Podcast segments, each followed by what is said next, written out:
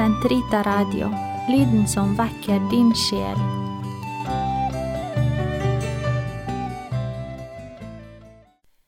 Kamels hage episode 31 Troens glede ved Wilfrid Stinesen, andre del Kjære lytter, i dag er vi kommet til den andre av tre episoder der jeg leser fra en artikkel av broder Wilfrid Stinesen som heter Troens glede.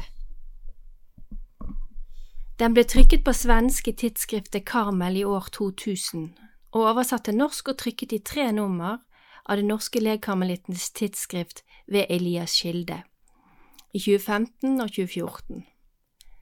Om du etter dette programmet vil høre mer om den kristne gleden, kan jeg anbefale en repetisjon av forrige episode, og episode nummer 13 i Karmels hage, som heter Gleden. Vi ber Veni Sancte Spiritus sammen. Kom, O Hellige Ånd, hit ned, lysets stråle til oss led, fra din høye helligdom. Far for slekts og arm og ring, gode gavers giver bring, lys i våre hjerters rom. Du som vet å trøste best, sjelens venn og milde gjest, svale tilflukts åpne dør, hvile for hver tynget mann, kjøling under solens brann, lindring når vårt hjerte blør. Salighetens lys treng inn, fyll til dypest bunn hvert sinn som i tro mot deg er vendt. Uten lys fra guddoms vel eier ingen i seg selv noe som for deg er rent.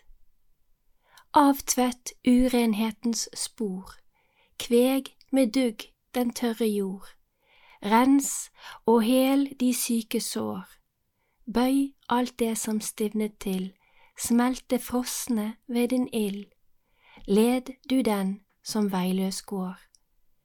Skjenk hver sjel som på deg tror, vær som liter på ditt ord, dine gaver syv i tall, kraft til enden du oss unn, og en salig oppbruddsstund, oss til evig glede kall. Amen. Troens glede del to av tre Tro og erfaring Det snakkes ofte om tro og erfaring som om de skulle være motsetninger. Troen oppfattes som søken etter sannheten, noe som i hovedsak angår intellektet, mens erfaringen berører hele mennesket. Men om troen som jeg har forsøkt å vise, er et element i kjærlighetsrelasjonen til Gud, er det normalt at det medfører en erfaring. Man kan ikke overgi seg til Gud, ikke elske Ham uten at det fører til noe godt, som kan erfares i hele den hele menneskelige eksistens. Det handler altså ikke om et dilemma, enten tro eller erfaring, men om troserfaring.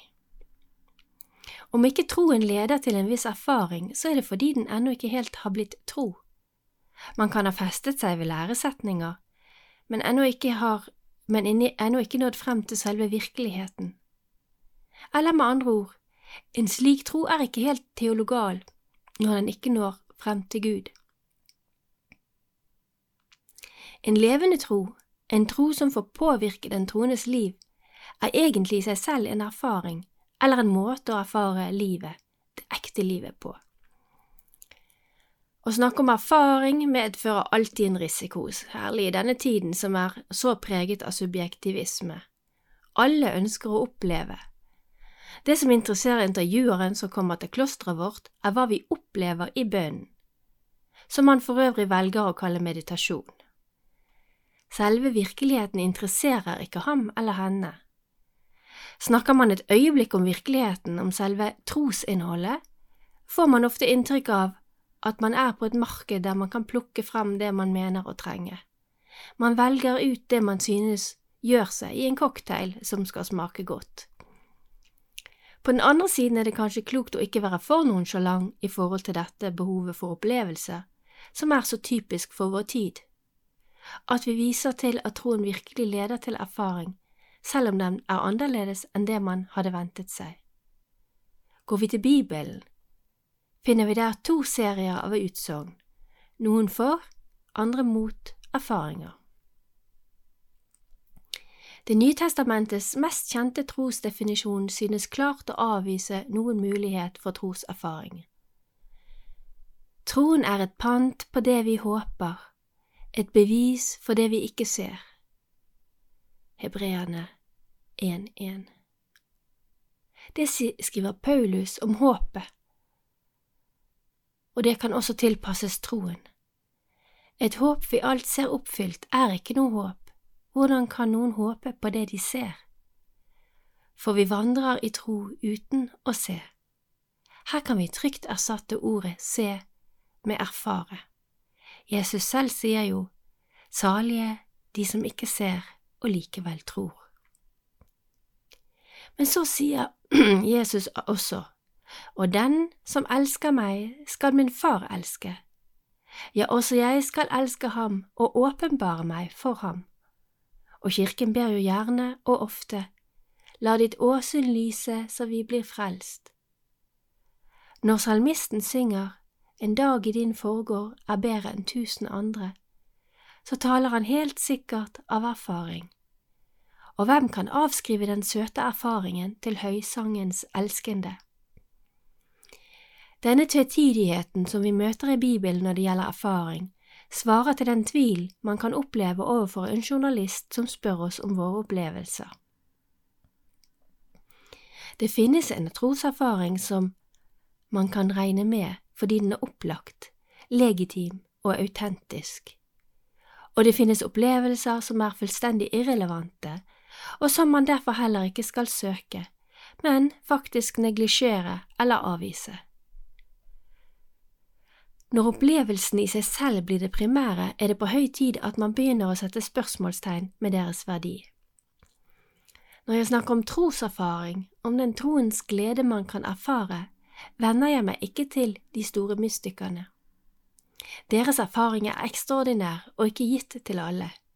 Jeg tenker nå på den troserfaring som alle troende kan få del i, forutsatt at de har en tro som er tilstrekkelig dyp og levende. Troen som stabiliserende faktor Det første vi kan si om troen, er at den gir oss en erfaring av stabilitet. Særlig i en tid der alt hele tiden forandres, der alt går i en rasende fart, opplevelsene avløser hverandre i et stadig hurtigere tempo, er troen en stabiliserende faktor.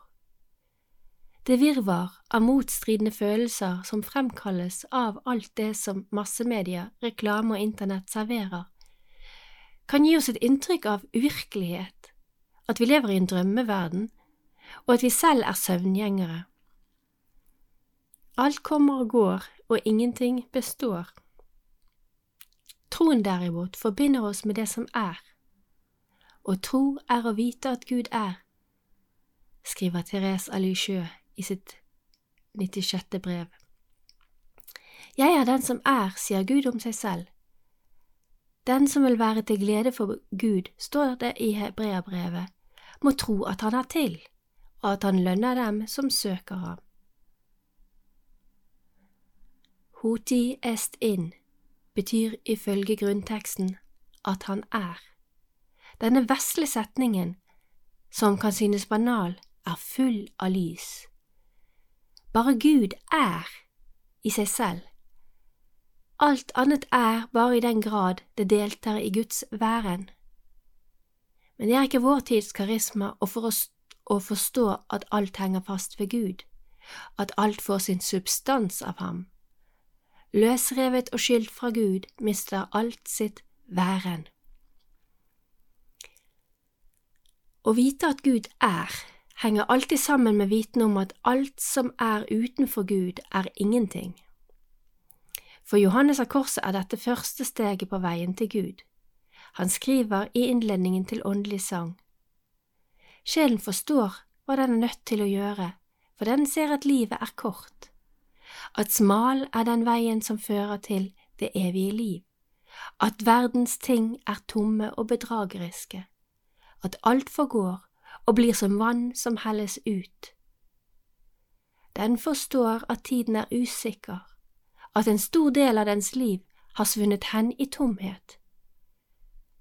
Den vet til og med at det er sent, og at dagen nærmer seg slutten. Gud synes opprørt og skjult fordi den, altså sjelen, midt iblant de skapte vesener, så ofte har glemt ham. Slått av redsel og smerte i sitt innerste hjerte over så mye fordervelse og en slik stor fare, forsaker den alt og forlater uten så mye som en eneste dags eller times utsettelse alt det som pleide å oppta den. Therese av Avila snakker om den sannhet jeg kjente som barn, at allting er intet, at verden er forfengelighet, og at alt snart får en ende. Man skulle kunne tro at det er ganske trist å innse at alt er intet, at livet ikke lenger kan være interessant når alt bare er forfengelighet. Men egentlig er det en stor befrielse å få se hva som er vesentlig, og få slippe alt uvesentlig. Det er frihet å ikke lenger drukne i jobben, og kunne relativisere alt det dramatiske som skjer, med visshet om at alt forgår og tar slutt. Troens objekt, Gud, er ren stabilitet. Han er den som er. Han er alltid seg selv lik. Han er vår klippe og vår borg. Men også selve troen som menneskelig handling, fides qua, er noe stabilt. Troen er viss, ja sikrere enn menneskers viten, fordi den bygger på Guds eget ord. I våre dager snakker man gjerne om tvilen som et tegn på menneskets modning. Man skal ha lov til å sette spørsmålstegn og bygge opp sin egen trosverden, og aldri tvile stemples som naivitet. Descartes cogito ergo sum har nå blitt til dubito ergo sum. Jeg tviler, altså er jeg. Det er selvsagt ikke merkelig at mange mennesker rammes av tvil, men da er det ikke tvilen som skal opphøyes, men troen. Tvilen er brist på tro. Der troen er helt seg selv, finnes ikke plass for tvil. Troen er sikker kunnskap. Har man en gang kommet til tro, bør man også ta ansvar for sin tro, blant annet med å gi dem næring gjennom bønn og lesning og bevisst ta parti for den i alle små, daglige valgsituasjoner, og fremfor alt gjennom å la den komme til uttrykk i kjærlighet. Om troen hadde vært en følelse, hadde den aldri kunnet gi oss trygghet og sikkerhet. Det hører jo til følelsenes natur at de er flyktige og nykkete. Den ene dagen svever vi over skyene, og neste dag er man dypt deprimert. Det er fremfor alt Johannes av Korsets fortjeneste og har påpekt at troen ikke ligger på følelsesnivået, men mye dypere. Det han kaller Åndens natt, er nettopp overgangen fra sjelens plan til det åndelige plan, fra det emosjonelle nivået til et dypere sjikt som han kaller for Ånden. Der lever troen uavhengig av de vekslende ytre følelser.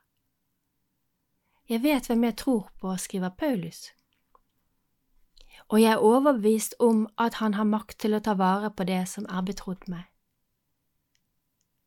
Troen er en stabiliserende faktor, og det, ingen, og det er ingen bagatell i en kaotisk tid som vår. Troens glede består blant annet i at den gir oss stabilitet, identitet, sikkerhet og trygghet. Den som konsekvent lever av sin tro, kommer sakte, men sikkert også til å få se sin psykiske status forvandles til fasthet. Stat cruxtum volvitor orbis, verdens og mine følelsers karusell snurrer rundt, men Gud og min tro på ham står fast. Troen kan ramme som lyn fra klar himmel, men som oftest er det levende mennesker som formidler troen og dens trygghet. Julian Green forteller i sin selvbiografi om en erfaring som merket henne for livet. Jeg må ha vært litt over fem år. Hver kveld når jeg hadde lagt meg, kom min mor for å hjelpe meg med aftenbønnen. Vi knelte jeg i sengen og hun på gulvet, og så nært at våre ansikter rørte ved hverandre. Jeg la armene om halsen hennes og sa ordene fra Fader vår etter henne. Hun ba fem eller seks ord fra denne bønnen og stanset så, og hun fortsatte ikke før jeg hadde sagt akkurat de samme ordene som henne. Med hodet hvilende på hennes skulder kjente jeg på en glede ved å repetere disse ordene, hvis betydning for meg var svært dunkel, men hvis mildhet og skjønnhet berørte de mest hemmelighetsfulle regionene i min sjel. Når jeg holdt armene slik om min mors hals, opplevde jeg det som om ingenting i verden kunne skade oss. Den vesle Julien fikk erfare en fantastisk forening av intensiv nærhet til sin mor og en dunkel, men velsignet trygghet hos Gud Faderen. En ny måte å se og høre på. På samme måte som kroppen har fem sanser som den bruker til å komme i kontakt med den ytre verden, har vi også åndelige sanser, med hvilke vi fornemmer og legger merke til Guds nærvær i oss, i hverandre og i verden. Origines, som levde ca. fra 182 til 254, er den første som snakker om disse åndelige sansene.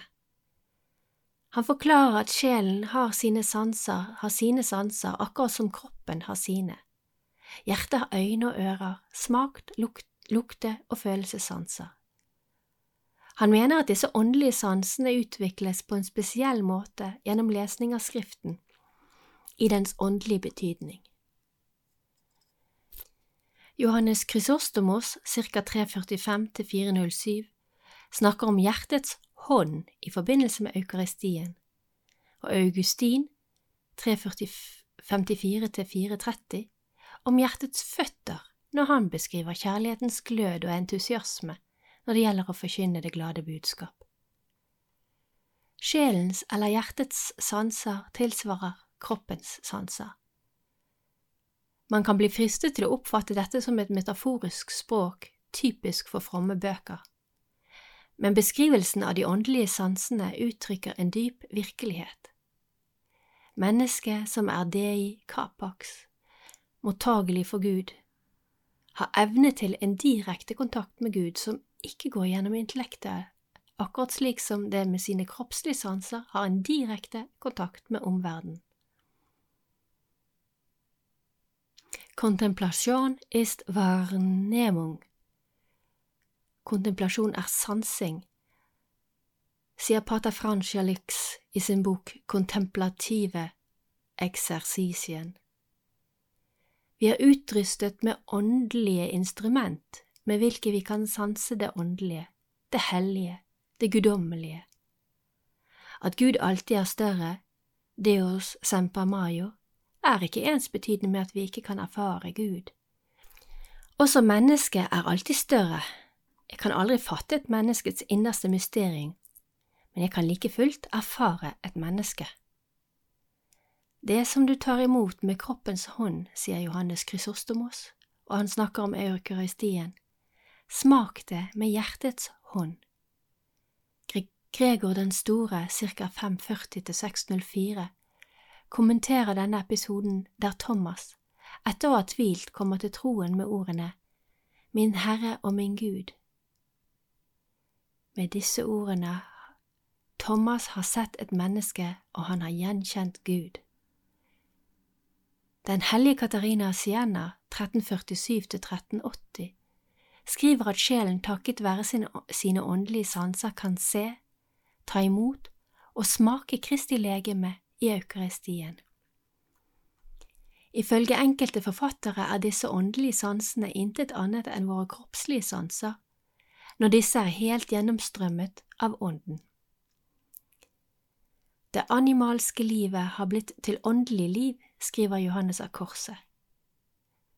Det naturlige begjæret, som bare hadde mulighet og kraft til å nyte de skapte tings sødme, hvilket leder til døden, har nå blitt forvandlet slik at det har guddommelig smaks- og luktesans. Det drives og mettes av et annet prinsipp, Guds sødme, hvor det her blir mer levende. Ettersom det er forenet med ham, begjærer det nå bare Gud.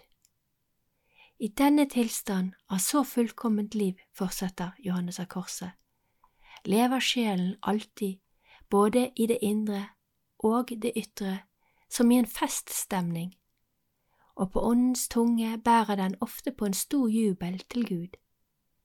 Det blir som en ny sang, som alltid er ny og fylt av den glede og kjærlighet som kunnskapen om dens lykkelige tilstand avføder. Amen. Del tre av denne artikkelen kommer i neste episode av Karmels hage.